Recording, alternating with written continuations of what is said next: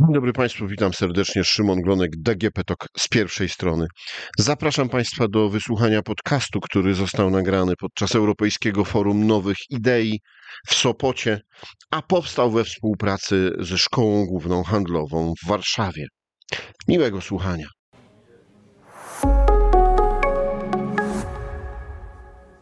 Studio Dziennika Gazety Prawnej i Szkoły Głównej Handlowej w Warszawie, w kuluarach Europejskiego Forum Nowych Idei w Sopocie, mam wielką przyjemność gościć e, profesora Jana Zielonkę, wcześniej profesora Uniwersytetu w, Oksfordu, w Oksfordzie, aktualnie e, profesora Uniwersytetu w Wenecji e, na Wydziale Ekonomii, gdzie również zajmuje się problematyką i polityk europejskich i prawa. E, dzień dobry panie profesorze, bardzo miło pana gościć w studio Europejskiego Forum Nowych Idei. Mam w ręku pańską książkę, książkę, która, e, gdy ją przeczytałem pierwszy raz w 2018 roku, e, zrobiła na mnie dość przygnębiające wrażenie. Książka jest, przypomnę, napisana w formie listu do Ralfa Darendorfa E, I tam zburzył Pan całkowicie moje wyobrażenie. Od tego chciałbym, żebyśmy zaczęli o tym, czym jest wzrost populizmu w Europie. Mianowicie przedstawił Pan tezę, że tu nie chodzi o wzrost populizmu, a raczej o kryzys idei liberalnej, bardzo głęboki kryzys. Czy liberałowie, neoliberałowie od tego czasu choć trochę odrobili lekcję? Wie pan, to nie był kryzys idei liberalnej, to był kryzys polityki E, rządów e, liberalnych, e, które często mówiły jedną rzecz, a robiły inną. Bo przecież liberalizm nie zakłada, że nierówności w nieskończoność muszą rosnąć, wręcz przeciwnie. A jednak statystyki wszystkie pokazują, że to miało miejsce. Poza tym liberalizm powstał w opozycji do władzy absolutnej, do, do władzy króla. I, I żądali, żeby ten król konsultował się z narodem, czy, czy, czy wybrańcami narodu. Natomiast w pewnym okresie partie centrolewicowe i centroprawicowe zaczęły rządzić w całym świecie zachodnim. To był y, duży sukces przez wiele dekad ale e, e, liberalizm stał się ideologią władzy i musiał usprawiedliwiać wszystkie poczynania tych, którzy akurat e, byli w rządzie. I właściwie między, między tymi partiami władza rotowała, nikt inny nie wchodził. Byli ludzie tacy jak ojciec Le Pen, który w latach 50. hasłami populistycznymi, antyliberalnymi wszedł do parlamentu, czy Jörg Haider w, w Austrii, ale oni nigdy nie wyszli, e, e, nie wyszli e, poza pewien margines polityczny. Natomiast w ostatnich latach zauważyliśmy, że ludzie zaczęli się odwracać od, od, od, od tych centroprawicowych, centrolewicowych rządów i głosować na innych, na tych, którzy byli zawsze na marginesie. I ja się starałem odpowiedzieć w tej książce na pytanie, dlaczego straciliśmy tych wyborców? Dlaczego straciliśmy tych wyborców? I, i, i to, to, to, po części jest wytłumaczenie bardzo takie ludzkie. Zabiła ich często pycha i arogancja. Jak jesteś przy władzy za długo, e, e, to, to, e, to tracisz poczucie rzeczywistości. Ale po części to był problem na przykład polityki neoliberalnej, która stworzyła socjalizm e, dla bogatych, a kapitalizm dla biednych. I to po prostu nie było do utrzymania. Tak, tutaj jest to, od razu naniosę to na, na projekt europejski, bo warto, tak mi się wydaje, synergia, jaka wynikła między rządami liberalnymi, czy powiedzmy od lewej strony socjalistów z kadekami, słynny y, chrześcijańskimi demokratami sojusz, który sprawił, że projekt europejski mógł się doskonale przy zakłóceniami, ale jednak rozwijać. I w którymś momencie za tę synergię taką, którą uwierzyliśmy, że jedno jest bardzo związane z drugim, przyszło nam w jakimś momencie zapłacić dość słony rachunek, bo okazało się, że po pierwsze nie jest gwarantowany ciągły wzrost i ciągła, e, ciągła prosperity, a zasada, że partie przejmują elementy programów innych partii i zaczynają tracić troszkę własną toż- tożsamość, bo ja już lewicy europejskiej nie rozpoznaję, nie wiem jak pan, ale nie tylko jej, e, e, to chyba wszystko jednak sprawiło, że wyborcy, o których tu mówimy, mogli się na koniec poczuć dość zdezorientowani chyba w tym, w tym podziale. No, czuli się zagubieni, nazwijmy to, najlepsze chyba słowo.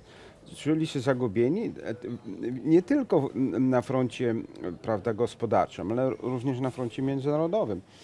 Em, e, Dlatego, że e, jednak rządy e, liberalne zaangażowało się w wiele wojen, które, Irak przykładowo, e, prawda? przykładowo, które nie tylko nie miały poparcia e, e, Narodów Zjednoczonych, ale też e, e, właściwie zostawiały później, później tych ludzi na, własn, na, na, na, na, na, na, pastwę lokalnych wataszków. Generowały nie tylko e, biedę, ale też migrację. I to wszystko e, e, było niby pod sztandarem wolności. E, i, to było trudno usprawiedliwić, prawda? To gdzie teraz jesteśmy, gdy chodzi o integrację europejską, bo sporo o tym ostatnio mówimy. Pojawiają się znowu dawne koncepcje konsolidacji większej w strefie euro, współpracy, pozostawieniu tych, którzy się ociągają troszeczkę na zewnątrz. W innej wspaniałej książce, którą Pan napisał, proponował Pan paradygmat Europa jako imperium, myśląc, że te powiązania w różnych sferach są luźniejsze, w innych są bardziej ścisłe, ale ta książka powstała jeszcze, o ile pamiętam, przed Brexitem.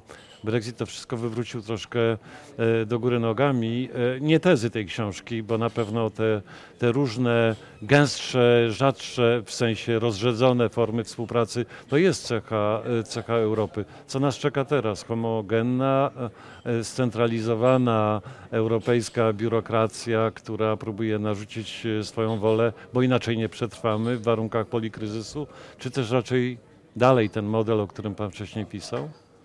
Jesteśmy w typowej sytuacji patowej. I Z jednej strony e, e, państwa narodowe, które kontrolują Unię Europejską, nie chcą przekazać władzy Unii, bo by się wtedy zamieniły e, w, w, w rządy lokalne i, i, i, i, tego nie chcą zrobić, bo to byłoby zbiorowe samobójstwo, a Unia Europejska miała służyć tym państwom narodowym. Ale, e, e, czyli ta cała wizja Europy federalnej, scentralizowanej po prostu jest nierealistyczna, nigdy nie była i nie była zresztą nigdy w traktatach wymieniona. Ale odwrotna droga, żeby zejść z tej góry na dół, e, e, jak Brexit, okazała się kompletnym fiaskiem. Dzisiaj e, eurosceptycy z wielu krajów zmienili taktykę. Oni nie chcą z Unii wychodzić. Oni chcą ją zmienić od środka, prawda? Bo zorientowali się, że, że cena, jaką Wielka Brytania płaci za Brexit, jest zbyt wysoka. Tylko, że e, e, międzynarodówka tych soweranistów jest zaprzeczeniem samym sobie. No popatrzmy, e, co mają wspólnego tacy soweraniści, czyli ci, którzy chcą, żeby władza wróciła z Brukseli do Do- ich do- narodowych stolic, jak, jak, jak pan Morawiecki czy pan Orban odnośnie Ukrainy, albo jak pan Orban i pani Meloni odnośnie migracji, prawda? Nie ma porozumienia. Każdy z nich swoją rzepkę sk- skrobie i jesteśmy kompletnie w sytuacji pata, że ani nie można iść z powrotem w dół, że odwrotu od tej integracji nie ma, bo jesteśmy zbyt zintegrowani, ani nie możemy iść do góry, bo cała konstrukcja opiera się na władzy państw, które tej władzy nie chcą się pozbyć. I, i wszystko się kończy kolejnymi szczytami, któr, w któ- z których nikt nie wychodzi e, ostentacyjnie jak de Gaulle, ale i, i, wraca do swoich stolic, mówi, obroniliśmy nasz interes narodowy, ale problemów się nie rozwiązuje w taki sposób, bo najniższy wspólny mianownik nie jest optymalnym em, podejściem do rozwiązania problemów konkurencji gospodarczej, zmian klimatycznych e, czy, czy, czy nawet wojen na naszych granicach.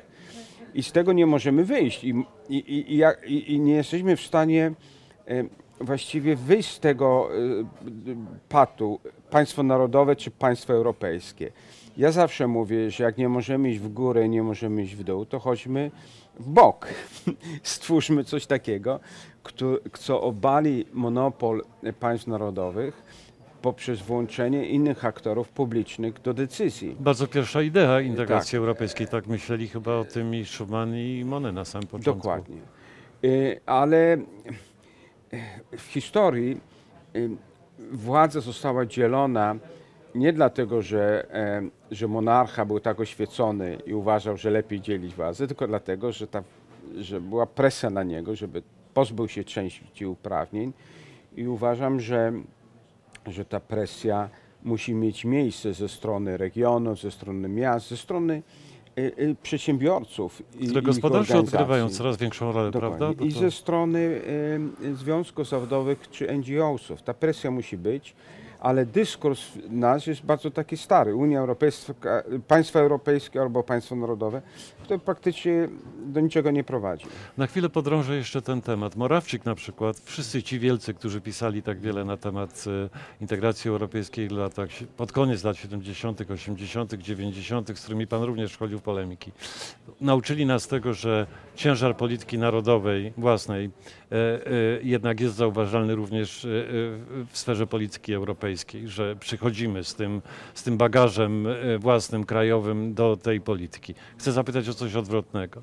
Jaki jest udział polityk europejskich w tej chwili w kształtowaniu tych polityk wewnętrznych krajowych e, w poszczególnych, poszczególnych krajach? Zostawmy Wielką Brytanię na chwilkę na boku, ale patrząc tak, jak gra na przykład z tym Macron, jak, zna w, jak gra w Polsce Morawiecki, jest chyba jakiś tutaj taki fenomen nowy. No, z- spójrzmy na, na, na sytuację, jak wybuchł COVID. To był odruch państw narodowych. My tu jesteśmy zarząd, zarządzającym. Zamknęli granice Mimo, że narodowe. komisja zamawiała e, Nie, Ale szczepionki. to później. Najpierw zamknęli granice.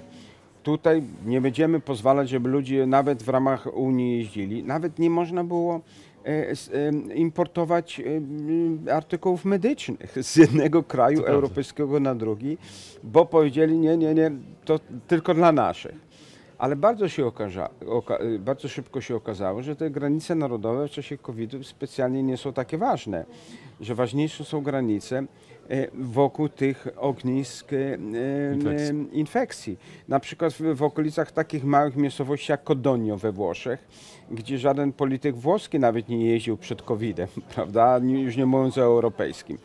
A później się okazało, że ci ludzie z południa Włoch, na przykład e, z, z Neapolu, z regionu Campania, nie chcą, żeby z Mediolanu zarażeni ludzie jeździli do swoich Tak domów e, letnich na Iski czy, czy, Apelowano, czy żeby tego nie I robili. nawet powiedzieli, zamk- Zamknijmy. De Luca, prezydent regionu powiedział, zamkniemy te granice. Nagle się okazało, że granice, e, poza tym w ogóle system zdrowia w większości krajów był e, w rękach formalnie regionów, a nie państwa. Czyli państwo mogło sobie wydać jakieś takie decyzje, ale, ale, ale nie ma uprawnień odnośnie szpitali i całej służby zdrowia. Czyli się okazało, że nie tylko y, państwo narodowe, ale organizacje y, lokalne mają znaczenie. A później poszliśmy dalej. Jak trzeba było szczepionki kupić, i, i, i, i to, to lepiej było e, pozwolić Unii, która zresztą nie miała w tym względzie wielu doświadczeń, e, łatwiej było im e, prowadzić negocjacje z dużymi firmami farmaceutycznymi, niż zwłaszcza biednym i małym krajom europejskim, bo, bo, bo, bo te duże by może sobie poradziły. A jak, jak zaczęto liczyć koszty covidowe, to stworzono system odbudowy, który nie, nie został e, przyjęty w Polsce, ale który takie kraje jak Włochy zupełnie wyprowadził e, na prostą e, z bardzo dużego kryzysu.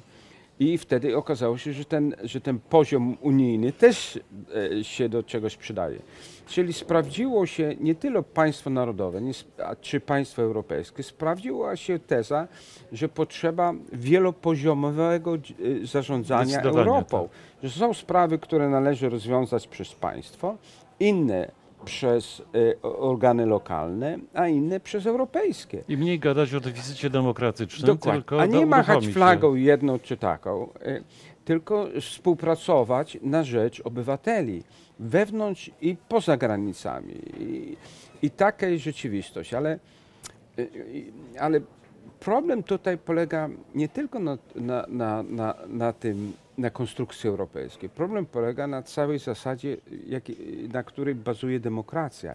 I to jest dużo większy problem. I o tym piszę w tej mojej nowej książce Stracona przyszłość? Stracona przyszłość. Dlaczego jak go stracona? odzyskać? Dlatego, że ludzie nie wierzą, że jutro będzie lepsze niż dzisiaj. Nawet w Ameryce.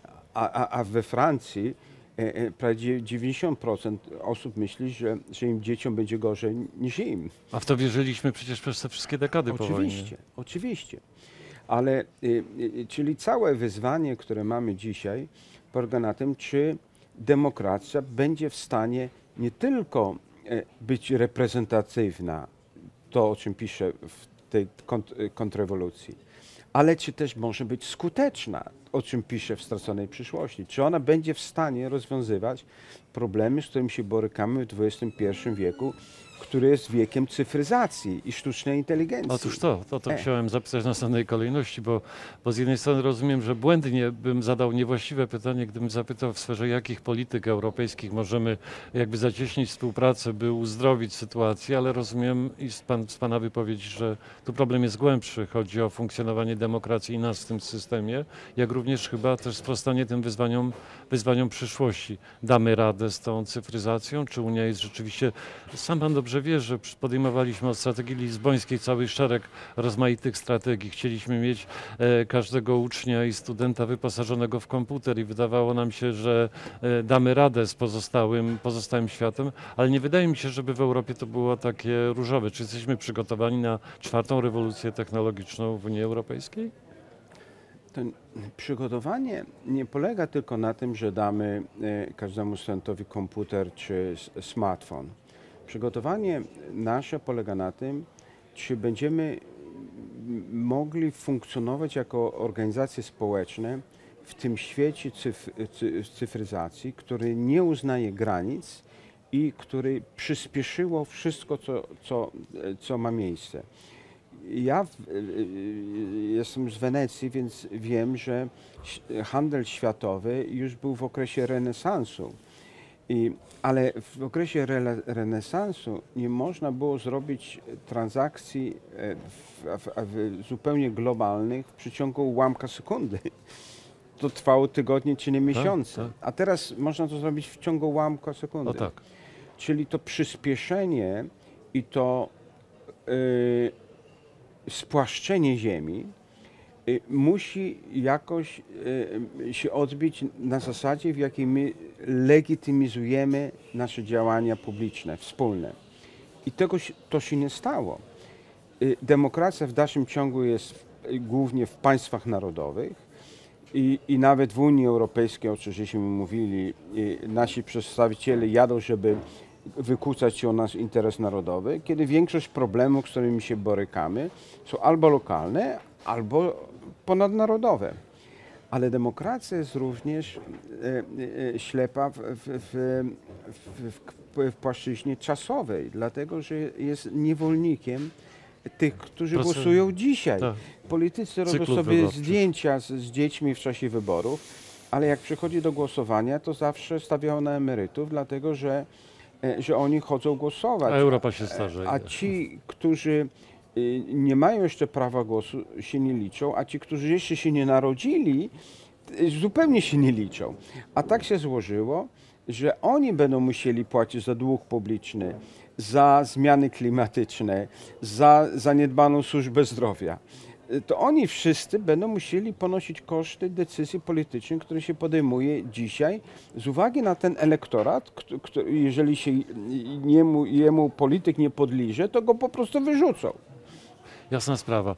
E, nie jest tajemnicą, że był Pan rozczarowany rezultatami e, kampanii in i out, gdy chodzi o Brexit. E, myślę, że było, było to i dawał Pan temu wyraz takim pewnym wstrząsem dla nas wszystkich też. Więc nie chcę Pana pytać o sytuację Wielkiej Brytanii, drugiej Pana ojczyzny na St. Anthony College, ani nie chcę Pana pytać, jak to postrzegają teraz Brytyjczycy. Zapytam coś zupełnie innego. Brak, Unii, brak w Unii Europejskiej tego ważnego gracza, jakim była Wielka Brytania. Jak to nas zmieniło? Ja zapamiętałem ze swojej edukacji europeistycznej, że Wielka Brytania była, Zjednoczone Królestwo było krajem, który miał najmniej infringement procedures, jeśli chodzi o, o poszanowanie prawa europejskiego, jego aplikację do systemu narodowego. Ta kultura prawa, tak bardzo rozwinięta w systemie anglosaksońskim, dawała znakomite rezultaty również na, na, na, w Europie. Wiele Wielka Brytania wnosiła co w tym projekcie teraz nam ubyło i co stawia go w takiej, czasami mam wrażenie, to jest moje własne wrażenie, y, trudnej sytuacji z odejściem Wielkiej Brytanii. Do tego, co Pan powiedział, trzeba dodać siłę militarną Wielkiej Brytanii. Bo jeżeli Europa chce być aktorem również e, nie tylko gospodarczym, ale też e, e, w sferze bezpieczeństwa, to tak się złożyło, że straciliśmy jedną z dwóch najpoważniejszych armii w Europie. I, i, i dzisiaj polityka e, bezpieczeństwa i, obrony Unii Europejskiej głównie jest zdominowana przez Francję, bo oni mają największą siłę wojskową i są jedynym aktorem nuklearnym. I, i to oczywiście e, e, e zmienia sytuację dramatycznie. Ta idea którą słyszałem od, od, od niektórych dyplomatów krajów, bynajmniej niesłynących siły i tradycji militarnej, że teraz bez Brytyjczyków będzie łatwiej nam zrobić politykę obronną, bo, bo nie będą tam Brytyjczycy y, wetować, jest po prostu dla ptaków, bo z kim będziemy tą, tą armię tworzyć? Z Belgami i, i, i, I z Luksemburgiem. Z Luksemburgiem, bądźmy poważni. Druga rzecz, że to postawiło kraje spoza sfery euro w bardzo trudnej sytuacji, bo Polska jest tego najlepszym przykładem, że dawniej jednak prawa w ramach integracji europejskich tych, którzy nie przyjęli euro, można było bronić dużo bardziej skutecznie, jak Wielka Brytania, duży aktor gospodarczy, była w Unii. Teraz te wszystkie kraje adwokata. są kompletnie na marginesie, prawda? A jednak decyzje walutowe są potwornie ważne w polityce nie tylko gospodarczej. A po trzecie to chyba e, Unia straciła te, to poczucie brytyjskiego pragmatyzmu, chociaż muszę szczerze powiedzieć, że jak obserwuję E, e, rządy obecnych turystów w Wielkiej Brytanii, to mam wrażenie, że sami Brytyjczycy już stracili poczucie pragmatyzmu, ale to coś mówi o nowej generacji elit politycznych. E, chcę zamknąć pytaniem, które nas wszystkich teraz nurtuje. Widzimy świat, który coraz bardziej się zapala. Nie wnikajmy już w to, na ile jest to prowokowane, ale nawet i Górny Karabach, który wydawał nam się zamrożony na, na dekady, pozmieniało się.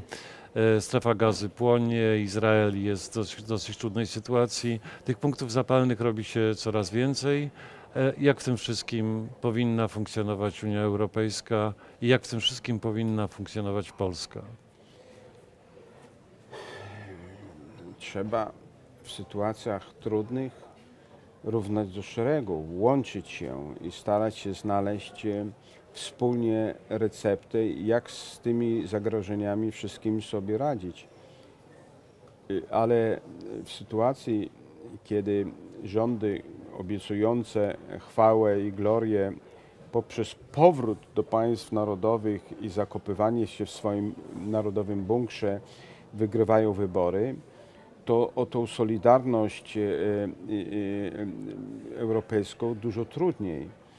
I, i kombinacja tych wszystkich kryzysów, nie tylko wojskowych, ale żebyśmy się dobrze, żebyśmy się dobrze zrozumieli, COVID jeszcze krąży, e, e, e, rynki finansowe są, są bardzo labilne.